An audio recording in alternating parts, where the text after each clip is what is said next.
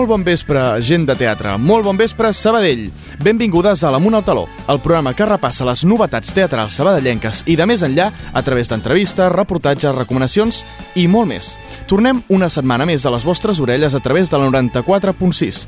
L'últim cop que em vau escoltar us vaig dir que esperava que no fos el meu últim programa. Imagino que els ha agradat, perquè aquí segueixo, juntament amb un fantàstic equip radiofònic que fa possible el programa cada setmana i que està format per Laura Lozano a la producció, Júlia Stals, Elvira Frank, Edu Gil, Jaume Pont, Francesc Rocamora, Adrià Garcia, Carlota Gorgori, Marcel Castillejo, Aina Rovira, Pol Juera, Xavi Quero, Eli Quero, la veu del programa Francesc Asens i els nostres tècnics Toni González i Roger Benat.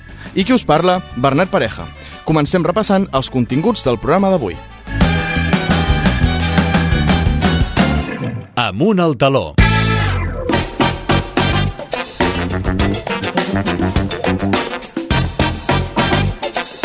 Alcem el taló. A la secció de la platea indiscreta farem una ullada, com cada dimecres vespre, a la cartellera teatral sabadellenca, amb la Júlia Estals. A la secció de l'entrevista parlarem amb Maria Jiménez, Maria del Valle i Marcel Castillejo.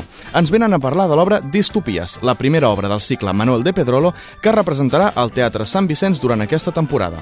Una adaptació lliure de tres peces existencialista de l'autor català que va escriure durant la dictadura franquista. Avui, a més, tindrem doble ració d'entrevista, ja que després parlarem amb Francesc Teruel, David Borrell i Núria Puigmartí, actors i actriu de l'obra Pels pèls. Aquesta comèdia ja està s'està representant a la bàscula i aquest cap de setmana han exaurit totes les entrades. D'aquí una estona veurem el perquè d'aquest èxit. Finalment, l'Elvira Frank, com sempre, ens portarà tres recomanacions teatrals. Una al TNC, una al Teatre Lliure i una altra a la Villarroel. Els dimecres al vespre, amunt al taló.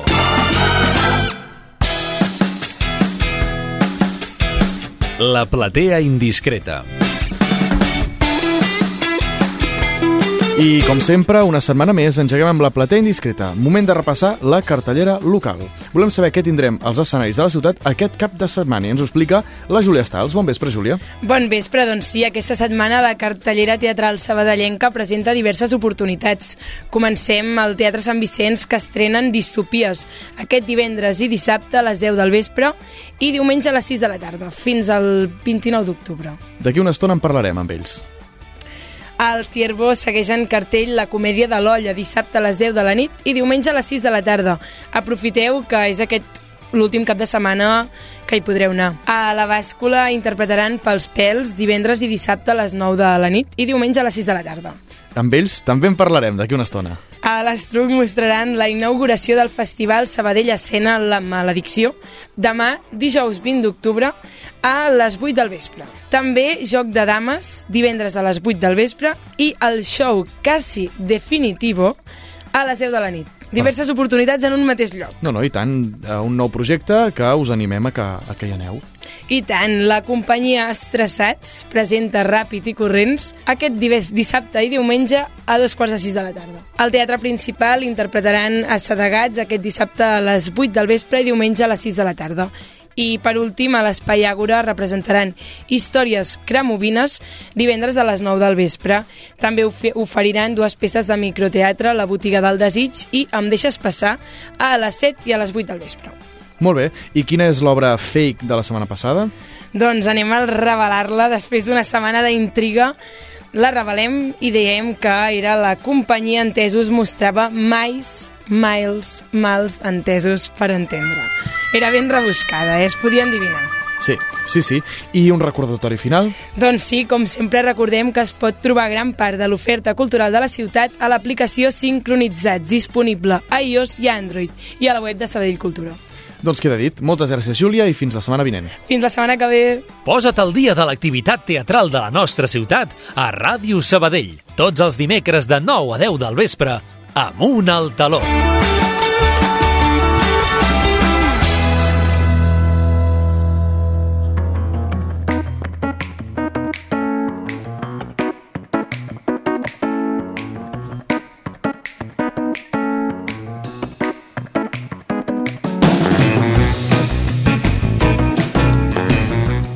I avui tenim entre nosaltres a l'apuntador Pol Juera, bon vespre. Bon vespre, Bernat. Uh, què ens portes avui? De què parlaràs?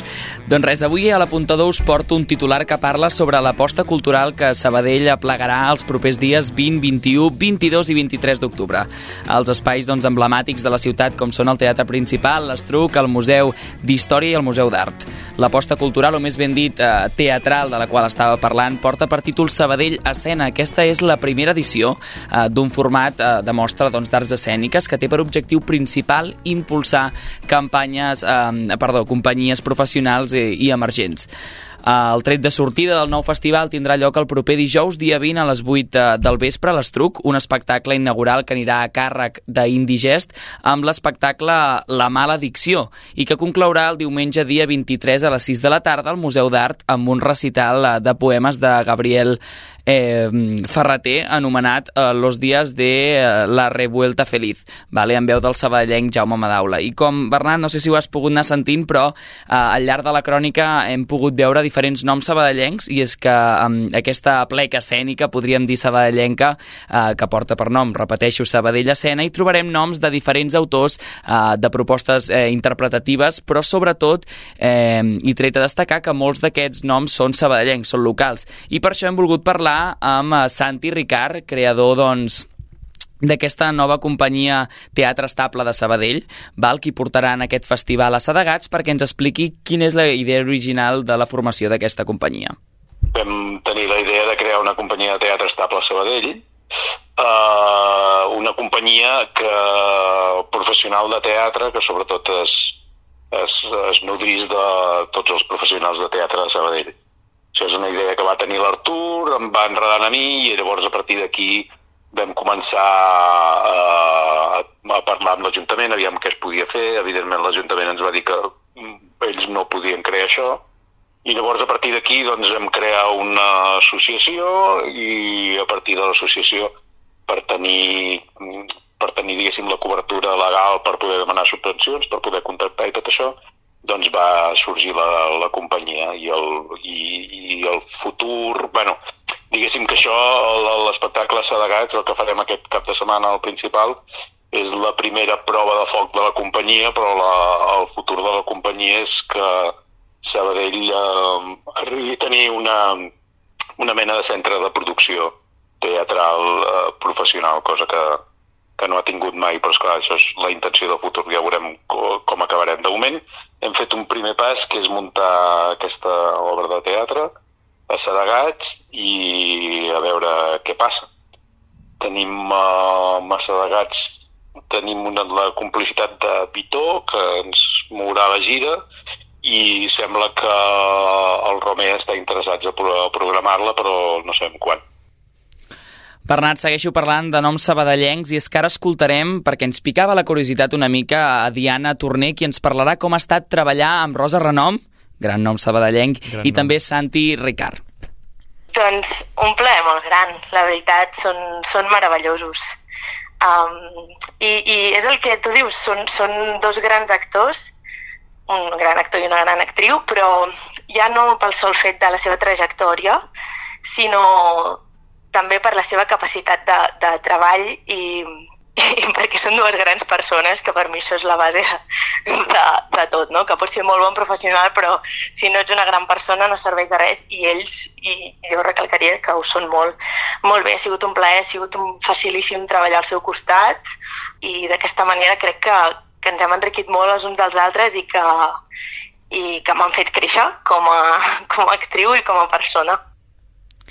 I ara, Bernat, doncs us podem fer una mica un avançament de l'argument d'una de, de les posades en escena que veurem en aquest uh, festival, que és concretament de, de, del jo, de, de l'obra Joc de Dames, uh mhm. -huh. val, explicada per, per Mònica López, i ens parlarà doncs, eh, de l'argument d'aquesta comèdia negra. Doncs aquest text ens parla de la història de tres dones que no tenen res a veure, eh, que es troben a un banc, a una cruïlla, i um, han de resoldre un problema, un conflicte que li ha sorgit a un dels personatges. Hi han tres personatges, el principal és la vídua, que l'interpreta la Gemma Martínez, la vídua és qui domina el cotarro, després tenim a la Sophie, que és el personatge que interpreto jo, que és la que realment aporta el problema, no us puc dir molta més cosa perquè si no desvetllem masses coses, um, i va a buscar la vídua a veure si uh, l'ajuda. I després tenim el tercer personatge, que és el de la Núria Roca, que és una senyora que es dedica a cuidar, a ajudar els, els, els vells de, de la, del barri que passa per allà i eh, s'aprofita per veure si es pot solucionar aquest problema de la Sofi. Uh, el personatge de la Núria Roca es diu Petit Pas, la senyoreta Petit Pas. També tenim música en directe, que la porta la Maria José Illana, que és acordionista, i li hem fet un personatge a mida per ella, que és un, un, un clochard que passa per allà i toca l'acordió per, per guanyar uns, unes quantes monedes. I aquests són els tres personatges, quatre, que, que hi ha a Joc de Dames. Això és tot eh, per avui. Eh, des d'aquí doncs, us animem a tota l'audiència, la, doncs, us emplacem a que participeu d'alguna d'aquestes activitats que formaran part del programa de Sabadell Escena, ja que aquest doncs, està pensat perquè tant grans com petits en eh, puguem disfrutar-lo. Moltes gràcies, Pol. Un nou projecte teatral a la ciutat que sempre van bé. Amunt al taló, al teatre de la ciutat, a la ràdio. L'entrevista.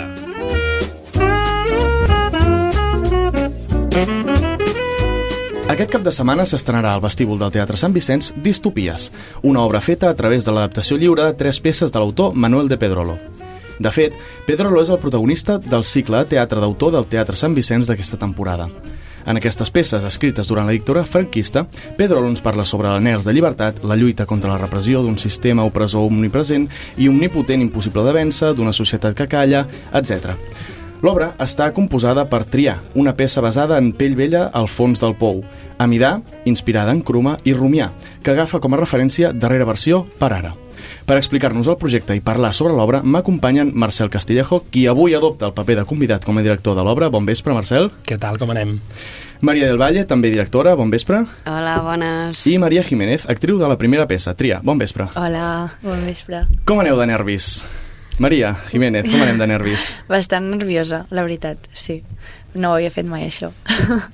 Els directors també, eh? nervis. Sí. De nervis n'hi ha. Nervis, però guai, ganes, ganes, ganes de veure com reacciona el públic. També perquè és una cosa molt diferent el que presentem, llavors hi ha aquest punt extra de nervis de dir bueno, tampoc sabem com reaccionarà ningú perquè és una cosa mai vista i un teatre molt poc representat, no? Vull dir que...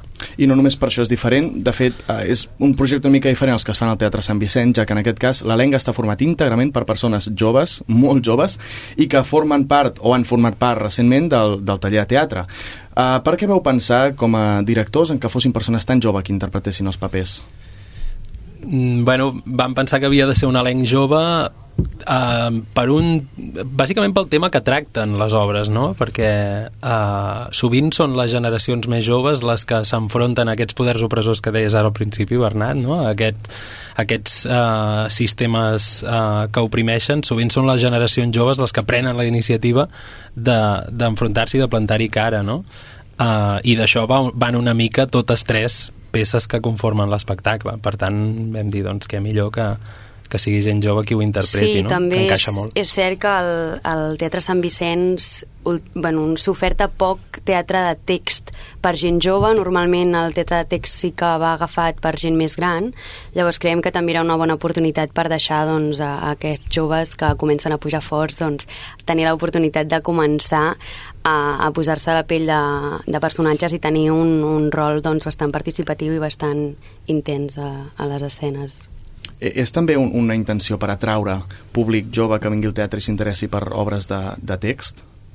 També, no? perquè fa, és veritat que falten oportunitats, no és el que deia la Maria, falten oportunitats perquè la gent jove pugui pujar en un escenari a, a fer obres d'aquest tipus, obres de text, obres que tinguin una reflexió molt profunda, però també falta públic jove que les vagi a veure.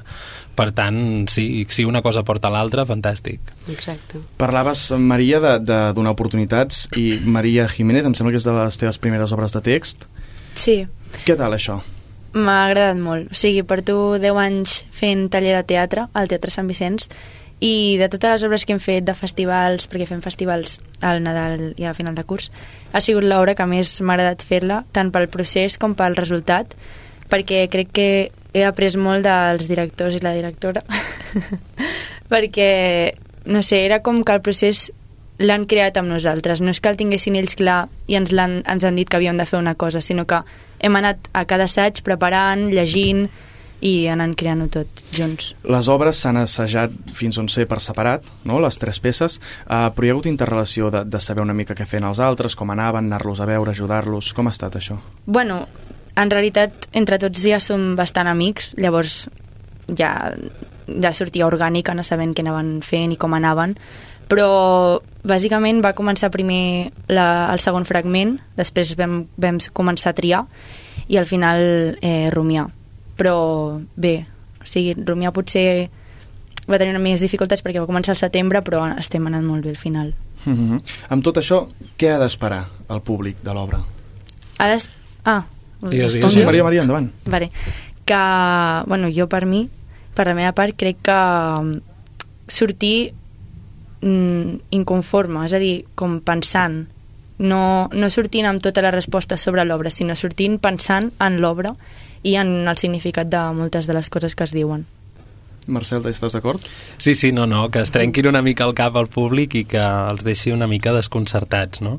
Uh, també ens ha deixat desconcertats a nosaltres mentre ho estàvem muntant, vull dir, nosaltres que estem, uh, bueno, en aquest cas ells i elles, no?, que estan uh, interpretant aquests personatges tampoc tenen ni tenim els directors i directora tampoc les respostes a, a res és una, bueno, una posada en escena i una interpretació que hem fet nosaltres d'aquests textos però sí, sí, o sigui que potser sortiran amb més preguntes que respostes, no?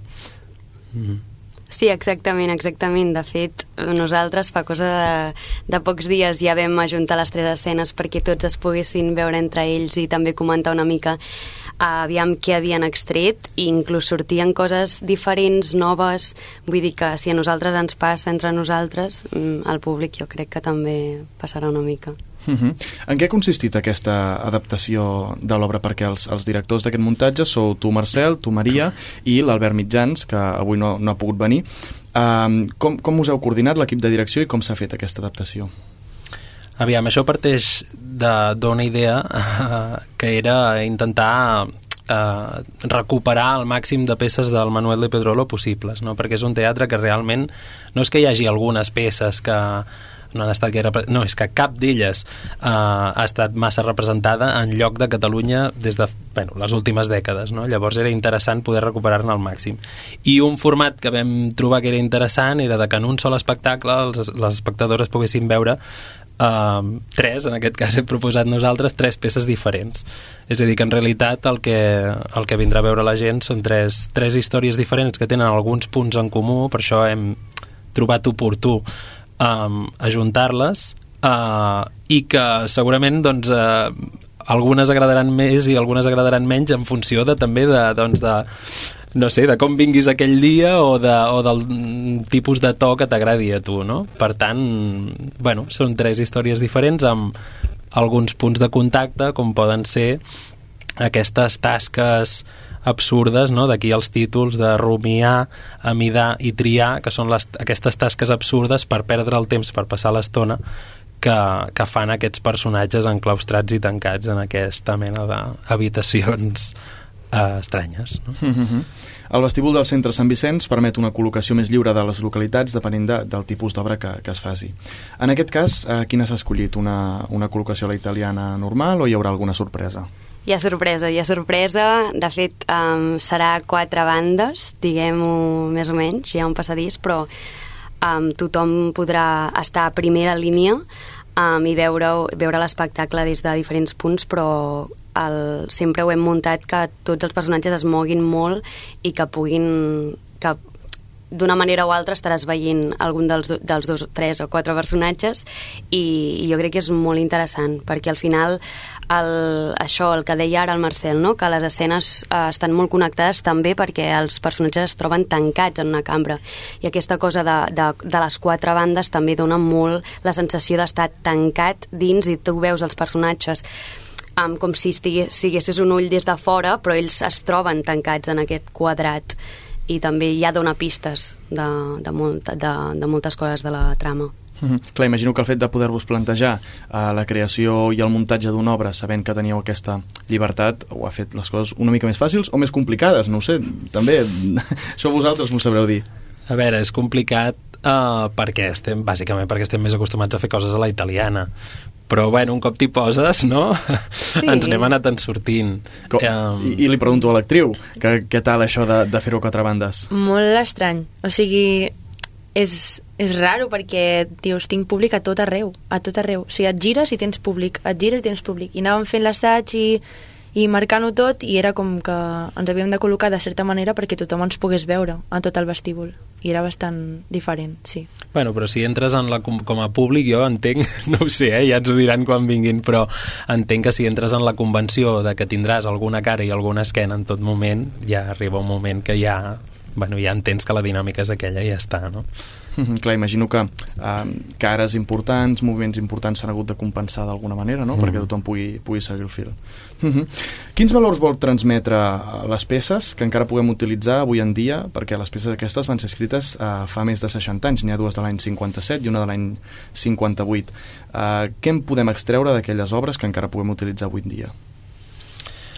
A veure, eh, o sigui, la, ja aquests temes tan universals de, de la repressió i tal, crec que no tenen data de caducitat, o sigui que la vigència hi és sempre. És, també és una mica absurd parlar de vigència, sí, n'hi ha.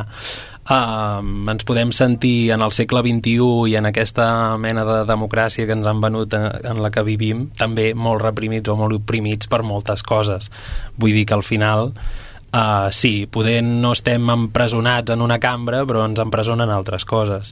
I al final crec que la reflexió va per aquí en totes tres peces, no? Sí, de fet sí, sí, totalment. A més, també la cosa aquesta de preguntar-se, hi ha molts personatges, sempre hi ha un personatge a cada una de les escenes que es pregunta, que dubta, què és el que fa que al final es desenvolupi tota la peça i que hi hagi un canvi en la peça que pot acabar bé malament o igual o el que sigui, ja, ja es veurà, no? Però que hi hagi aquest dubte i aquesta pregunta crec que, que, que és molt important, no? Que no et quedis en el, en el que ja saps, sinó que et vagis, siguis una persona curiosa, no? I que contínuament t'estiguis preguntant i t'estiguis estiguis dubtant de la, de la certesa de les coses, de fet, um, i de que si, si això està, si el que t'han ensenyat està bé, si no està bé, no? Aquest, aquesta cosa de preguntar-te crec que és, que és una de les grans um, dels grans valors que dona aquesta obra. Sí, sí. I que al final aquest, aquest sistema opressor um, tots els personatges d'alguna manera ja estan com sotmesos no? i la gràcia serà una mica descobrir amb quin,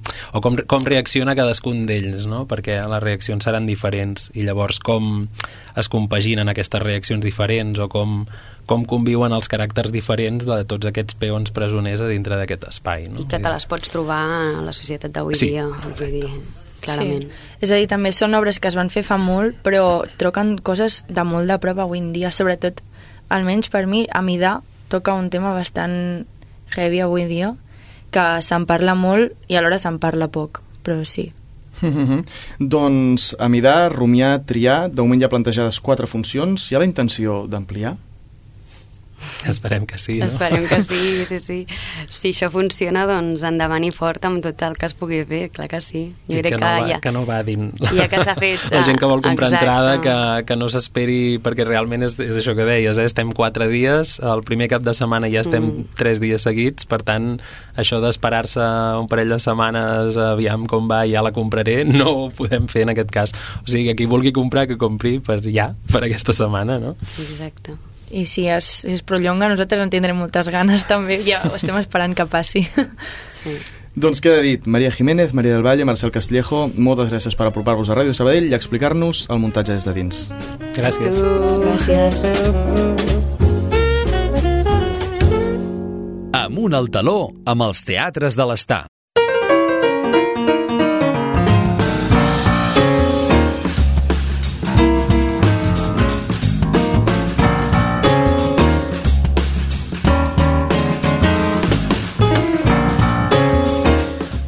Tant dissabte com diumenge, el Teatre La Bàscula va exaurir les entrades per veure Pels pèls, una comèdia d'intriga de Paul Porner en la qual un policia investiga un assassinat comès en una perruqueria i per tal d'aclarir els fets es requereix l'ajuda del públic.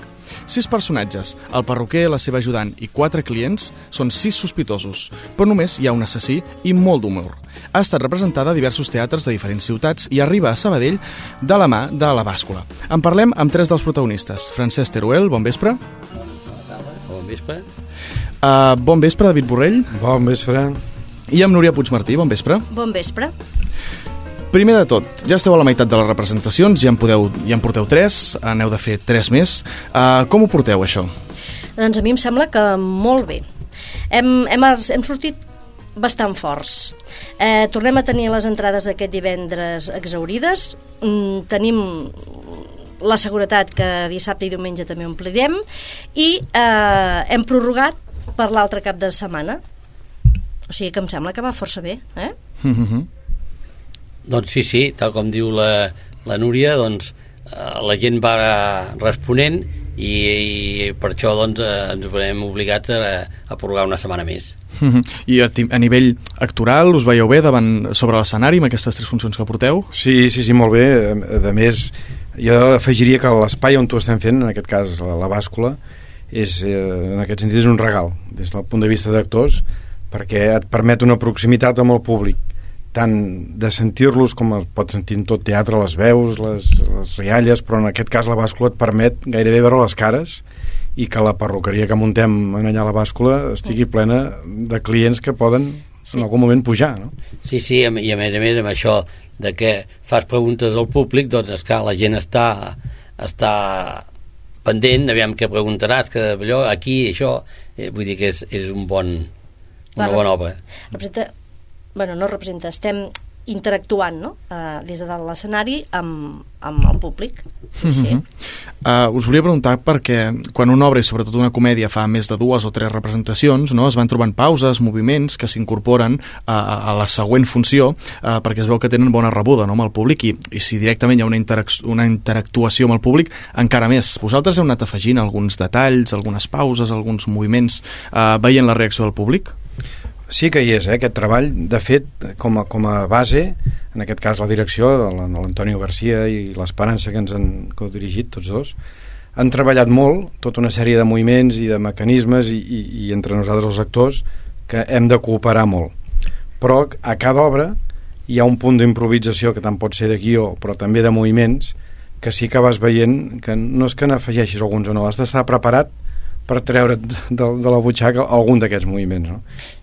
Jo crec que també és important que quan tu, des de dalt l'escenari, veus que el públic respon, això també és una motivació per potser sí doncs, que afegir alguna, alguna coseta, eh? de, de, de, tant de diàleg improvisat com d'algun moviment que no estava previst, però és, és, és motivador, la veritat és que sí.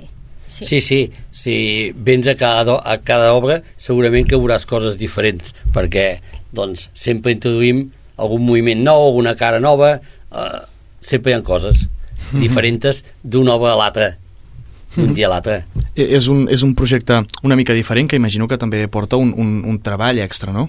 Sí que hi ha sigut, sí. És un, és un treball que primer va ser molt de guió, però després, un cop ja vam trepitjar escenari, doncs sí, anar incorporant molt tota una sèrie de dinàmiques i, i un treball també de dir, escolta'm, hi ha moments on passaran coses que no estan escrites o que no estan eh, previstes i com a partir d'aquí anem tirant i això em fa dir que, que, que abans has comentat aquesta obra quants anys que, o quan s'ha fet als Estats Units encara l'estan fent ininterrompudament vol dir que de moviments nous i de paraules noves és una obra que cada vegada que algú la reposa segurament sí. hi ha coses noves Sí, sí, a més a més en el guió també s'introdueixen coses que no hi són. Vull dir que després es diuen coses que si mires el guió no hi és. Vull dir que sí, sí, hi ha un treball a darrere molt, molt important amb el director, el codirector i bueno, i després nosaltres doncs el que fem el que podem. Bueno, hem treballat molt tots plegats, eh, hem, hem treballat molt, treballem dalt de l'escenari, dintre i fora també. Eh? I aquella aportació de, de, de tots els, els membres, no? perquè un et diu, doncs mira, aquí podries fer aquest matís. Ah, doncs sí, aquest... Eh? Hi ha una cooperació molt, molt bona i, i a dalt de l'escenari a, també anava, es nota. a, no, sí, sí, a dalt de l'escenari el que et anava a dir ara, a dalt de l'escenari nosaltres ens ajudem molt, vull dir que sí, sempre hi ha alguna cosa doncs, que hi pot ser-hi, ens ajudem, vull dir que no... Parlem de la història una mica. Uh, hi ha sis sospitosos d'un assassinat. Uh, com és que es veuen tots implicats com a possibles culpables? Bé, de fet, de, de, de sospitosos o sospitoses eh, no són els sis Són personatges. quatre, perquè dos són policies. exacte. D'acord, Tot i que mm, potser sí, bueno, també hi ha, alguna, hi, ha, hi ha alguna pregunta del públic que sí que també diu que sospita de la policia. Perfecte. Però després realment són quatre. Mm -hmm. I com en caben tots els quatre im implicats allà? Bueno, jo és que voldria dir que cada personatge té la seva casuística que fa pensar que pot ser l'assassí. Tots, mm. no se n'escapa ningú, però uns més que d'altres. I, clar, el públic està atent al desenvolupament de, de l'acció i bueno, fa aquest tipus de preguntes. Cada personatge intenta resoldre-ho de la seva manera, mm. però ningú s'escapa de ser sospitós. No, perquè inclús al final fas votar al públic qui considera el més sospitós i quasi mai adivinen qui és. De fet, tot això potser, per respondre a la teva pregunta d'abans, és a dir, com a obra o com a projecte, o ens ho hem, bueno, ens ho hem nutrit una mica, de, de, que és una obra, és una comèdia, però també és un reality show i també fins i tot és un thriller, tot una mica barrejat. Mm. I, i hi ha moments on l'obra tira cap a comèdia, però hi ha moments de, de thriller. Sí, sí, i, Hi ha una mica també de, una miqueta de, de cert drama, per dir-ho d'alguna manera, no? També? Tal com es mm, desenvolupen els aconteixements I, I precisament si esteu contínuament interactuant amb el públic, si al final han de votar, això també fa que estigui tota l'estona in- dins de l'obra, no? I veient aviam què, què pot passar. veure-les jo, venir. jo he parlat, bueno, parlant tots amb, amb gent que ha vingut a veure l'obra i et diuen que no se li ha fet llarga i això et demostra, i això que dura una hora i tres quarts quasi Mhm. i això et demostra que la gent està pendent del que diu perquè clar, no, fins al final no saben qui, qui és l'assassí Clar, I un dels reptes també, interpretativament parlant, és que sempre estem en escena.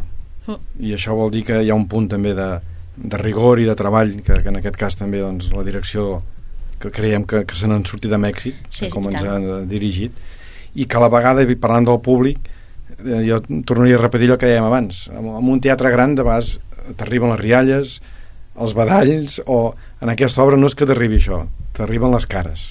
Ja. I, i Sí. que això és un, és Sí. una comunió molt important. Eh? bueno, que al ser un teatre, perdona, al ser un teatre petit i això, doncs encara que la sala no estigui il·luminada poc o molt veus les cares de la gent i allò estem també subjectes una mica a la improvisació constant, sobretot a la, a la segona part, diguéssim, no? Que no saps amb què et sortirà el públic i tu has d'estar pendent. atent. Mhm. Fa unes setmanes parlàvem amb, amb la gent d'un funeral de mort, una comèdia amb molta gent sobre l'escenari. Com és el fet de ser només sis persones? Com us heu hagut de, de congeniar per treballar-ho? Bé, doncs, eh, amb, amb, lo de la, dire- amb la direcció pues, ens ha indicat el que hem de fer, moure'ns, sobretot ocupar l'espai de l'escenari, que es vegi que, que els sis ocupem l'escenari, ens ens estem movent contínuament, cap aquí, cap allà, allò, i, i, i, i no podem parar de l'escenari. En el calendari d'assajos pot, potser aquest tipus de projectes mm, és una mica més eh, còmode, si es pot dir així, Mm. perquè amb, amb altres projectes que hem participat i que surt molta gent, l'obra es fracciona i avui et vens amb aquest tall, després demà... Aquí sempre hem fet un treball que sí que hem pogut estar tots sis mm, tots aquests mesos mm, molt junts, no? Llavors això es nota. Clar, és que hi ha una feina per part de direcció molt, molt acurada pel que fa als moviments. És, Mhm. és, m- és molt, molt rígid i molt estricte per, pel que diu el, el Francesc i el David, no? A l'escenari eh, tota l'estona estigui ple. Això és més fàcil amb sis persones que amb obres de més volum, no? Però eh, hi ha un, un, ja et dic, un, un, un ensenyament molt estricte, no?, de que d'aquests moviments. Gairebé com una coreografia, no?, de, sobre l'escenari. Sí, perquè, perquè, perquè quedi ple, no hi hagi una alineació de personatges, que no, no siguem estàtics, no estiguem allà. Saps que... En, ens hem d'anar movent contínuament per, per anar ocupant espais. I a part d'això, jo que si ara ho puc ser ho dic més a títol personal que sóc aquí he arribat més, més novella en el grup, que abans has dit que és la bàscula, però qui porta en escena l'obra és el grup Tatxa la bàscula és el teatre on ho fem jo diria que aquest treball de sis vas veient molt l'evolució dels teus companys i, i l'evolució de, de no, no hi ha de guió sinó i aquí l'Antonio també a nivell creatiu ens ha estirat el fil de tots vas veient fins on és capaç d'arribar cadascú i això és molt enriquidor veure com a la mateixa persona amb la que vas començar el mes de març ara a fer tot un, un treball. Eh? Clar, és que veus com estàs llegint assegut un guió i com es va transformant l'acció, com eh, t'ensenyen a bellugar-te perquè facis aquella acció i el resultat final que dius... Clar, clar, sí, clar. I després, després, a part d'això, esclar, tu també pots fer-te el, el teu moviment, el teu cara o la teva... Pots impujar-te tu a la teva manera o el teu personatge te'l pots fer teu. Clar, clar, clar. si hi ha alguna cosa que no queda bé o allò, doncs ja, ja tu t'ho rectifiquen, no? Mm -hmm. Però tu també t'has de fer el teu personatge una miqueta i, el teus, i fer els teus gestos. I tant. Doncs si voleu comprar aquestes últimes entrades que ja queden, s'ha prorrogat, però tot i així de ben segur que, que s'aniran acabant, que sapigueu que, que bé, que les podeu comprar i que no, no, no, no trigueu gaire a fer-ho, millor. No, jo hi afegiria ah. que, que, que, escolteu, la, la castanyada s'està acostant sí. i que val molt la pena, abans de que arribi la castanyada, que passin per la peluqueria de la bàscula. Ah, exacte. Exacte, per estar ben guapos i, i no, guapes. No us hi prendrem el pèl, eh? No. Doncs Francesc Teruel, David Borrell i Núria Puigmartí, moltes gràcies per acompanyar-nos i molta sort amb aquestes últimes funcions. Gràcies Molt bé, moltes gràcies. gràcies a vosaltres. El Teatre Sabadellenc a Ràdio Sabadell. Bon vespre, què tal, sabadellenques, sabadellencs? Si em permeteu, em sembla que el Bernat avui s'ha oblidat d'una reestrena important que arriba d'aquí no gaire Sabadell. Torna al mes de novembre, atenció, la comèdia de Carles Alberola, M'esperaràs, dirigida per Albert González i amb gent de la companyia Estrena Morena. Si us sembla bé, i si no també, recuperarem l'entrevista que vam fer sobre aquesta proposta teatral tan, tan divertida el mes de març passat, en aquest mateix programa, l'Amunt al Taló, quan l'estrenaven, quan l'estrenaven a Sabadell, els Morenos, per primera vegada. Bernat, no et preocupis, que després et deixo continuar el programa tu sol i, escolta, aquí no ha passat res i seguim endavant. Escoltem l'entrevista, doncs. Doncs avui ens toca parlar, com us amb el sumari del programa de M'esperaràs, una comèdia de Carles Alberola que la companyia sabadellenca Estrena Morena començarà a representar a la Cava Urpí, amb Uyu, promotors a la producció, i Albert González a la direcció, a partir del dia 18 de març, aquest divendres mateix. Dos amics queden per sopar. Tenim en Rubén, l'anfitrió, que és un professor universitari que d'alguna manera és um, una mica fracassat, un personatge neuròtic i depressiu, i en Jaume, un ric triomfador i seductor que ve acompanyat amb la seva dona i la, seva, i, i la germana de, de la seva dona. Entre plat i plat començaran a sorgir tota una sèrie d'embolics entre ells, amors creuats, infidelitats no confessades... De ben segur que deu ser una comèdia d'allò més divertida perquè els, els espectadors i espectadores ens agrada d'alguna manera veure patir i veure descol·locats o irats o en situacions molt incòmodes els personatges. Hem convidat al programa perquè ens parlin d'aquest text i de la proposta d'Estrena Morena el director de l'obra, l'Albert González. Bon vespre, Albert. Hola. I també el Carles Prats, un dels actors de l'espectacle. Bon vespre. Hola, què tal? Bon vespre. Com va aquesta, aquesta darrera setmana d'assajos? Com, com l'esteu vivint, aquesta Bé, recta final abans de divendres? Intensa, intensa. Sí. Com sempre, eh? Per això, com, com tot... Uh, com qualsevol. Com qualsevol, i després dius, ostres, mm, ja no me'n recordava, però sí, sempre són molt intenses. Els 15 dies abans o... Eh. Mm. Mm. I a més és un espai nou, que no, no hi havíem estat mai, almenys eh. fent teatre de text. Clar, fent la, la Marta i el Carles sí que l'havien... Hem estat a Milús Teatre, els Nadals, però eh, aquest cas de, de, fer una, de fer una obra de representació, de representar una obra allà no, no, no s'havia fet mai i, bueno, som els primers. Ah. Mm. Clar, voleu dir que potser logísticament o tècnicament o també el, el repartiment no, també us heu hagut d'adaptar no, en aquest tipus de format allà sí. a la cava.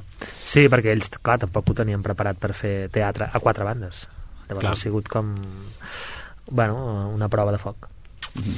Com va sorgir aquesta proposta de M'esperaràs? Com és que des de la companyia Estrena Morena vareu optar per aquest text i, Bueno, el, el perfil d'Estrena Morena una mica totes les tres obres que ja portem, que va ser, vam començar amb No és tan fàcil del Paco Mir, um, Una família normal de la Marta Butxaca i ara pues, uh, el M'esperaràs del Carles Albraula, tots són mm. textos d'autors uh, contemporanis, d'acord? Mm -hmm. Sempre busquem una mica això, um, que sigui molt, molt contemporani. I llavors ja fa quatre anys que li vaig passar el text a l'Albert, que ho vam parlar-ho, i bueno, amb aquests dos anys de parèntesis de, de pandèmia i tot plegat va quedar una mica frenat el tema per, per nassos, però, però bueno, mm, sempre van voler tornar al registre de la, de la comèdia, no? Mm, una mica, l'estrena morena. Mm.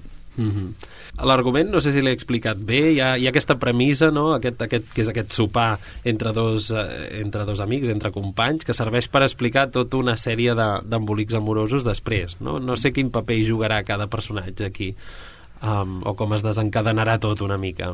Sí, sí, l'argument és aquest. Uh, sí. El personatge del Rubén, que és el, és el Carles, uh -huh. Uh, té dos amics soc, jo sóc el professor de... Professor universitari, professor una mica depressiu, potser, sí, exacte. no? L'acaben de deixar, Fracassat. pot ser? Victimista, sí. poruc... Eh... També, clar, juga a favor que el personatge sigui així perquè no paren de passar-li desgràcies, pobre i, és el... I com ens agrada això, eh? Sí. és que és increïble sí, eh? sí, sí. i ell també uh, se n'enriu d'ell mateix. Mm -hmm. Ell fa sí, broma del que li passa a la vida, vull dir que no, no és un tio que vagi plorant, sinó que bueno, ho porta de la millor manera que, que pot. I amb el seu amic tenen bueno, confessions que, mm -hmm. que després provocaran més, més riures en, en els espectadors i, i coses que els espectadors sabran i alguns personatges no també farà que, que la gent estigui com enganxada a l'obra és una mena de vodevil en el fons perquè hi ha moltes entrades i sortides al carrer, a la cuina, no, no paren d'entrar i, mm -hmm. de sortir els personatges d'escena. Clar, i a més a més aquest mecanisme com de, de, com de les dues parelles que en alguna altra peça així de teatre còmica també hi és, no? Ara recordo un Déu salvatge o algunes ah. d'aquestes que també funcionen una mica així. Mm -hmm. De fet, són ells tres, no?, que van estar a la universitat junts i sí. són amics de sempre. O sigui, els tres personatges són els que van, van fer tota la carrera junts i són amics de, de fa molts i molts anys. Sí. Ah. Mm -hmm. I a partir d'aquí s'incorpora una tercera persona que... Mm -hmm. No estava prevista que assistís al sopar. Mm. -hmm.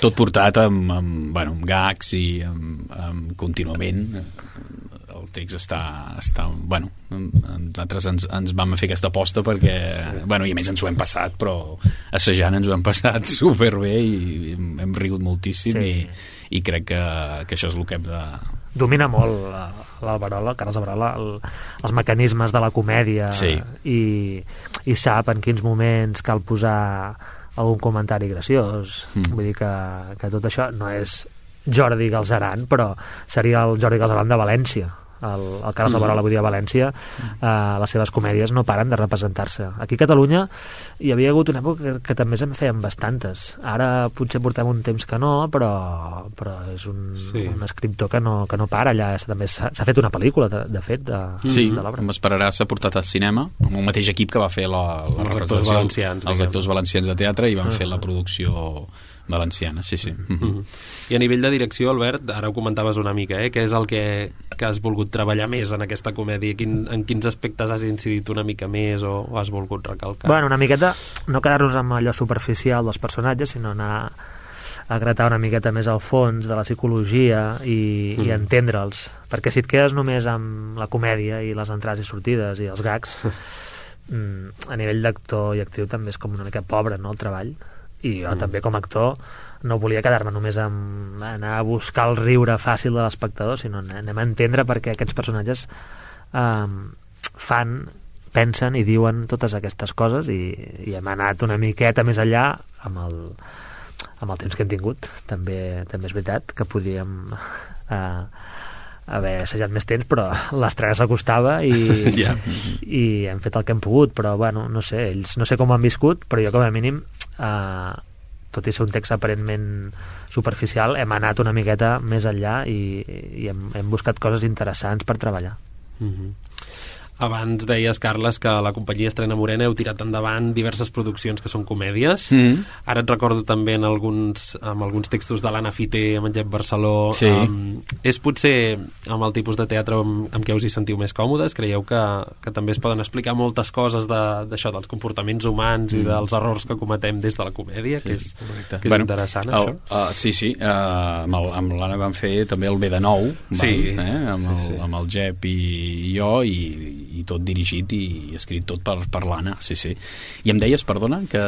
No, que si us hi sentiu còmodes en aquest, en aquest gènere o El registre to... de comèdia, mm. sí, sí, sí, moltíssim, moltíssim. Jo almenys parlo per, per mi mm i jo m'hi sento, sento moltíssim còmode i ja, bueno, ja fa molts anys que estic a, que no, no surto massa d'aquest uh, camí que a mi el disfruto molt i, i em sento molt, bueno, molt, la veritat, molt, és un, que, que em surt em surt com de, de dintre, no? Aquest Molt punt de, de vis còmica no? que, que intento pues, uh, bueno, uh, aprofitar, evidentment. Sí, sí. Tu, Albert, també tens predilecció per les comèdies o, o no té per què? No, no té per què. no té per què. He dirigit més drames, em sembla que...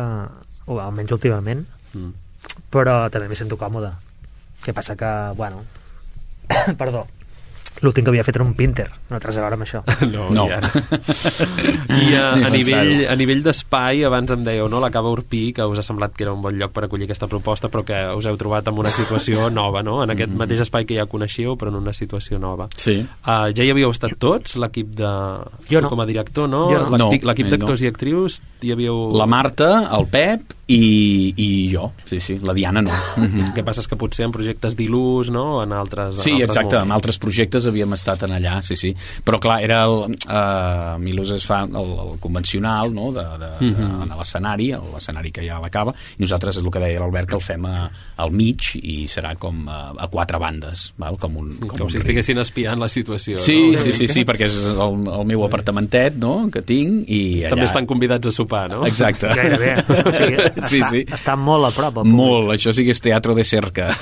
Recorda una miqueta anava a dir la sala petita, però ni això, la biblioteca que tenia l'espai de la biblioteca del Teatre del Sol. Correcte, sí, exacte. Mm, està així de proper la Mm. cosa. No, no, I a més de quatre bandes, vull dir que et sents com a actor, bueno, jo no ho viuré, però se sentiran... I com a públic també immers, a més no sí, sí, poder, sí, no? Sí, sí, com sí. si estiguessin en el menjador de, de casa. És totalment, totalment eh, amb aquest espai pues, eh, també té involucrar doncs, el, el, el públic amb, amb, amb, amb l'espai no? i és, és, és molt proper Ja. Molta merda amb aquesta estrena del divendres 18. Moltes gràcies. M'esperaràs, recordeu, una comèdia de Carles Alberola a la Cava Urpí. I seran fins al dia 27 de març, no us ho perdeu. Gràcies. gràcies, adeu Amunt al taló, a Ràdio Sabadell.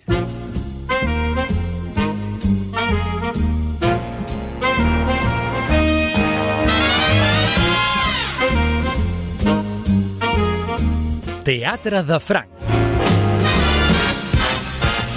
I com cada dimecres en aquest moment del programa saludem a la nostra experta crítica, Elvira Frank, que ens porta tres propostes teatrals de la capital. Una al TNC, una al Lliure i l'última a la Villarroel. Elvira, com estàs? Hola, bon vespre, bé, bé, bé. Sí? Molt, molt actius, ja veus, tres obres, eh, en una setmana. Tres obres, doncs comencem. Quina és la primera que ens Comencem. portes? Mira, uh, pr- primer de tot us vull, doncs, uh, més o menys explicar. Són, uh, parlaré de dues obres Mhm. desoladores i estranyes que descriuen ambients força durs. D'acord. I deixem per l'última, la que és divertida, eh, que tot i que té un tema doncs, bonic, però és una obra doncs, de, de, de, de riure i de, de pensar també, eh? Però mm, més... que passa més bé. Perfecte, doncs vinga, comencem. Comencem per la primera. Assaig sobre la ceguesa, de José Saramago a la sala, tal com has dit, a la sala gran del Teatre Nacional de Catalunya, amb l'adaptació teatral de Clàudia Sadó i direcció de Nuno Cardoso. Proposta teatral de la cooperació del Teatre Portuguès Sao Joao de Porto i el Teatre Nacional de Catalunya. Una obra bilingüe de més de 3 hores de durada. L'obra és una de les novel·les més emblemàtiques del Premi Nobel de Literatura 1998 al José Saramago. Eh? Mhm. Dic per endavant que intentaré llegir-la. Després d'haver-la vist, uh, tinc ganes de, de, de, de, de, de, de a poc a poc i entendre-la, entendre-la bé. Una proposta molt adient d'escenificar-la ara, després d'haver viscut una pandèmia, ja que el tema narra la història d'una societat que es van encomanar la ceguesa els uns als altres, arribant a crear una atmosfera asfixiant on es descriu una societat feixista i sense cap valor humà, i que per por de ser contagiats aïlla els malalts en un manicomi i no els dona ni tan sols menjar. I també els amenaça de que si es volen escapar els mataran. Una societat irracional i inhumana que està manipulada pels que fan creure que són més forts. Els forts contra els més dèbils, eh? Però que en definitiva estan tots malalts i que aquests que diuen que són forts estan tan o més secs que els que realment ho són. Aquí hi ha no, la- el paral·lelisme. Jugar amb la metàfora, no? Exacte, la Mhm. metàfora. Tot i que personalment no em va desagradar, és una obra que no m'atreviria a aconsellar-la a ningú. I no m'atreviria a, a, a aconsellar-la per la duresa en representar-la, per les escenes crues i massa explícites innecessàries i escabroses, al meu entendre. Eh? A més, s'hi ha d'afegir la dualitat de dos idiomes, portuguès i català, amb uns subtítols situats a un lloc, diria, poc adients. Un subtítol estava molt alt, que per llegir-lo et feia mal al coll i tot, i l'altre massa baix, que els caps de les persones que tenies a davant, diguéssim, t'ho tapaven. No hauria estat millor fer posar els rètols en el mateix escenari al fons? Més, seria més assequible. Per mi, això va ser un fallo de direcció. Un altre factor és que els personatges estan interpretats per més d'una actriu o actor diferent, intercanviant-se les escenes, cosa que fa difícil de saber qui és qui en cada moment. I un altre és que, per exemple, un senyor de certa edat, un actor ja gran, faci de nen petit. I al començament et, et desistues, no? Et, et quedes com estrany que aquell senyor et demana que vol fer pipí, fins que no saps que vol estar representant un nen. Malgrat tots aquests inconvenients, s'ha de valorar el gran treball dels intèrprets. Tots ells mostren la seva professionalitat en respondre les rèpliques d'un altre idioma amb notable normalitat. Ho diuen en portuguès i l'altre contesta en, en català. Eh? Mhm. I, a més a més, com que representa que són secs, caminen per l'espai escènic figurant que això, que són secs, i que queda molt destacat la persona que hi veu una mica i el que és sec completament. Això, mm, de veritat que les actuacions estan molt bé. Portar al teatre una novel·la d'aquestes característiques, ja ho hem dit sempre, és complicat. I en aquest cas, la posada en escena té força inconvenients per poder seguir el sugestiu argument i poder-ne gaudir. Però si us interessa d'aquest tema, la podreu veure fins al dia 30 d'octubre. Mhm. La veritat és que jo la vaig veure demà i no m'has donat massa, Ah! massa bones esperances, però bueno, ja, ja la comentarem, La a, veure, a veure què comentarem, tal, no? a veure si t'agrada. Perfecte, doncs la segona aquest cop al, al lliure. El segon al lliure és Fàtima, a, a la sala gran del, a la sala, sí, del lliure, Teatre Lliure de Gràcia. D'acord, el A lliure Gràcia, de Gràcia. Gràcia. Mhm. El primer teatre lliure que va existir, Sí. eh? el primer Sí, edifici. sí, sí. Una obra poètica, però fosca, d'uns personatges que sobreviuen i que es moren, que són jutjats i que també ells jutgen, que des de dalt d'unes escales són a l'infern del món, que els envolta la lluna i les rates, també. Drogues, sexe, corrupció, unes vides marginades i perdudes. Aquest és el relat que ens vol mostrar el dramaturg i això és el que podríem trobar en algun racó de Barcelona. Concretament, l'obra està ambientada al barri del Raval, que precisament és on viu el, el mateix autor. Mhm. Fa anys ja hi viu. Eh? Un començament molt dur, que segueix en moments bonics i poètics, però conservant sempre la, aquesta duresa. Eh? De la meitat en endavant, la poesia es converteix en incomoditat, en aversió. Alguns personatges són mig humans, mig animals, i, malgrat les bones interpretacions, tot dona un sentit irreal i com gris. Per una part, es vol destacar la condició fosca dels indigents, comparant-los amb els gats, les rates, els coloms, posant amb la introducció entremig de, de l'obra, eh? una cançó que, malgrat que està molt ben cantada, no lliga amb el context. És una cançó molt dolça, que no hi, per mi, eh? no, hi, no hi queda No bé. queda bé. I acaba l'obra amb una escena que jo diria que sembla de telenovela. I em perdó, però així. Mhm, mhm. Meritòries, però, les bones interpretacions, ressaltant per sobre de tot la Caral Casasayas, que fa una meravellosa interpretació amb un registre molt diferent del que recordo haver-li vist. Ningú diria que la mateixa actriu d'aquesta obra sigui la que va fer Croquetes oblidades, una obra infantil mm, molt, molt bona. O Firefly, amb la calòrica, o Nit de Reis, amb el grup dels pirates. No sembla la mateixa, entre altres obres que ha fet. Eh? La Caral interpreta una noia insegura i descarada, agressiva i fràgil, passada de voltes i vulnerable. També mereix un altre comentari a part, per la seva bona intervenció, el Jordi Figueres, fent el personatge d'indigent, que és aquest personatge indigent mig gat, però ho fa molt creïble. Sergi Torrecilla, escenificant el camell, que s'aprofita de tot, la Mercè Arànega, interpreta una espectadora de la filmoteca compassiva i indulgent, ja sabeu que la, la filmoteca està allà al Raval, eh, és autèntic, eh? Tilda Espluga, la que fa una dona ocell, Albert Ausoller, fent un home corromput, i Daniela Fumador interpretant un llarg monòleg pràcticament sense respirar. Tal com he dit, tots ells fan unes notables interpretacions. Una gran escalinata ocupa tot l'espai escènic, acabant amb uns arcs a dalt de tot. L'escala és bruta. Ales de coloms, papers, pols... Pot ser un espai de qualsevol ciutat, però és el barri del Raval de Barcelona. Una proposta que se'n surt amb un nus a l'estómac, que en sortint, quan la ciutat ja és fosca, una mira als seus voltants tenint certa por, mirant les persones que es creuen i els indigents que hi han, per desgràcia, a cada cantonada d'una de les ciutats més velles, però més des desemparades del món, com és la nostra Barcelona. Mm -hmm. Si la voleu veure, fins al 23 d'octubre, aquest diumenge, la podeu veure. Mm -hmm, doncs mira, en pocs dies, però encara, encara hi ha Encara- oportunitats encara hi ha per, per oportunitat, veure-la. sí. A Lliure Gràcia. I l'última, a la Villarroel, a Teatre Argentí. Teatre argentí. Mhm. En el Villarroel eh, estan fent mm, una obra, però llavors fan aquestes sessions d'off, que en diuen off Mhm. Villarroel, que les fan a fora d'hores, a les- Mhm. fora, a fora d'hores convencionals. I aquesta m'has eh? dit que es feia els diumenges al matí. Els diumenges Oi? al matí. De quina obra estem parlant, Elvira? Estem parlant de Solo llamé para decirte que te amo.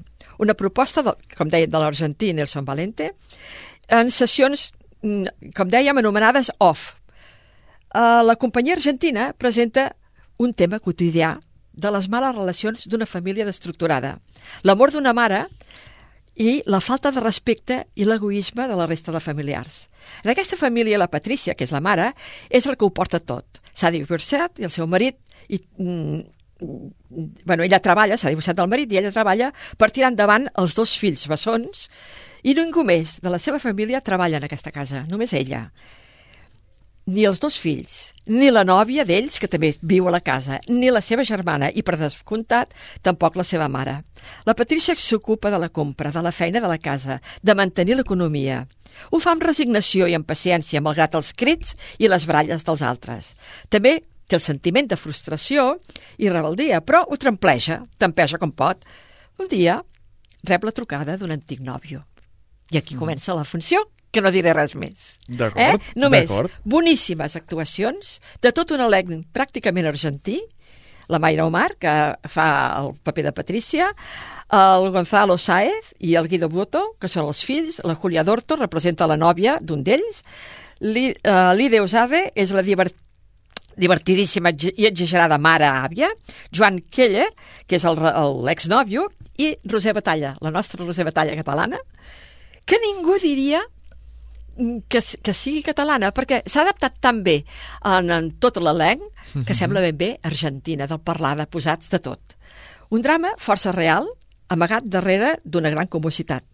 Aquests silencis, aquestes mirades, aquestes paraules no dites que s'intueixen. I, per altra banda, els moments de disbaixa i crits molt hilarants, els llargs silencis tan característics en el teatre argentí, la naturalitat de cada actuació, que encara que les situacions siguin exagerades, fan pensar en els nostres veïns, amb la nostra família. És ben bé mm, un estil de direcció argentí, totalment. L'escenografia és aprofitada del que s'està fent, com hem dit, en el Villarroel, però els, els actors i les actrius s'han adaptat tan bé amb els mobles, les escales, els estris ja predisposats que semblen posats expressament per aquesta representació. Una delícia, una delícia de representació, que, que tal com deies, mm, la podeu veure els diumenges a les 12 del migdia i els dijous i els divendres a dos quarts d'onze de la nit fins al dia 6 de novembre.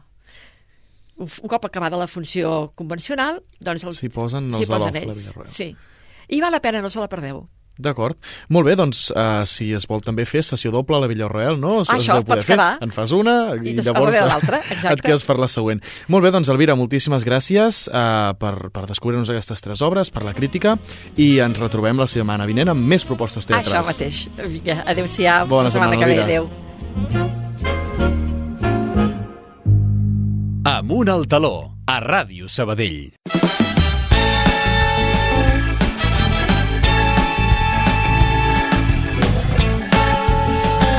I aquí acabem l'Amunt al taló d'avui. Us recordem que podeu recuperar tots els nostres programes a Spotify. Només cal que busqueu Amunt al taló al cercador i trobareu el nostre podcast.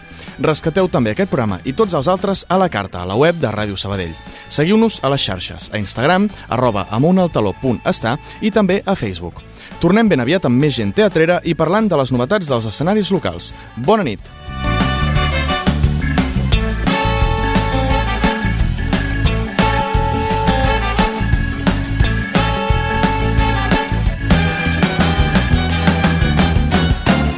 Amunt al taló.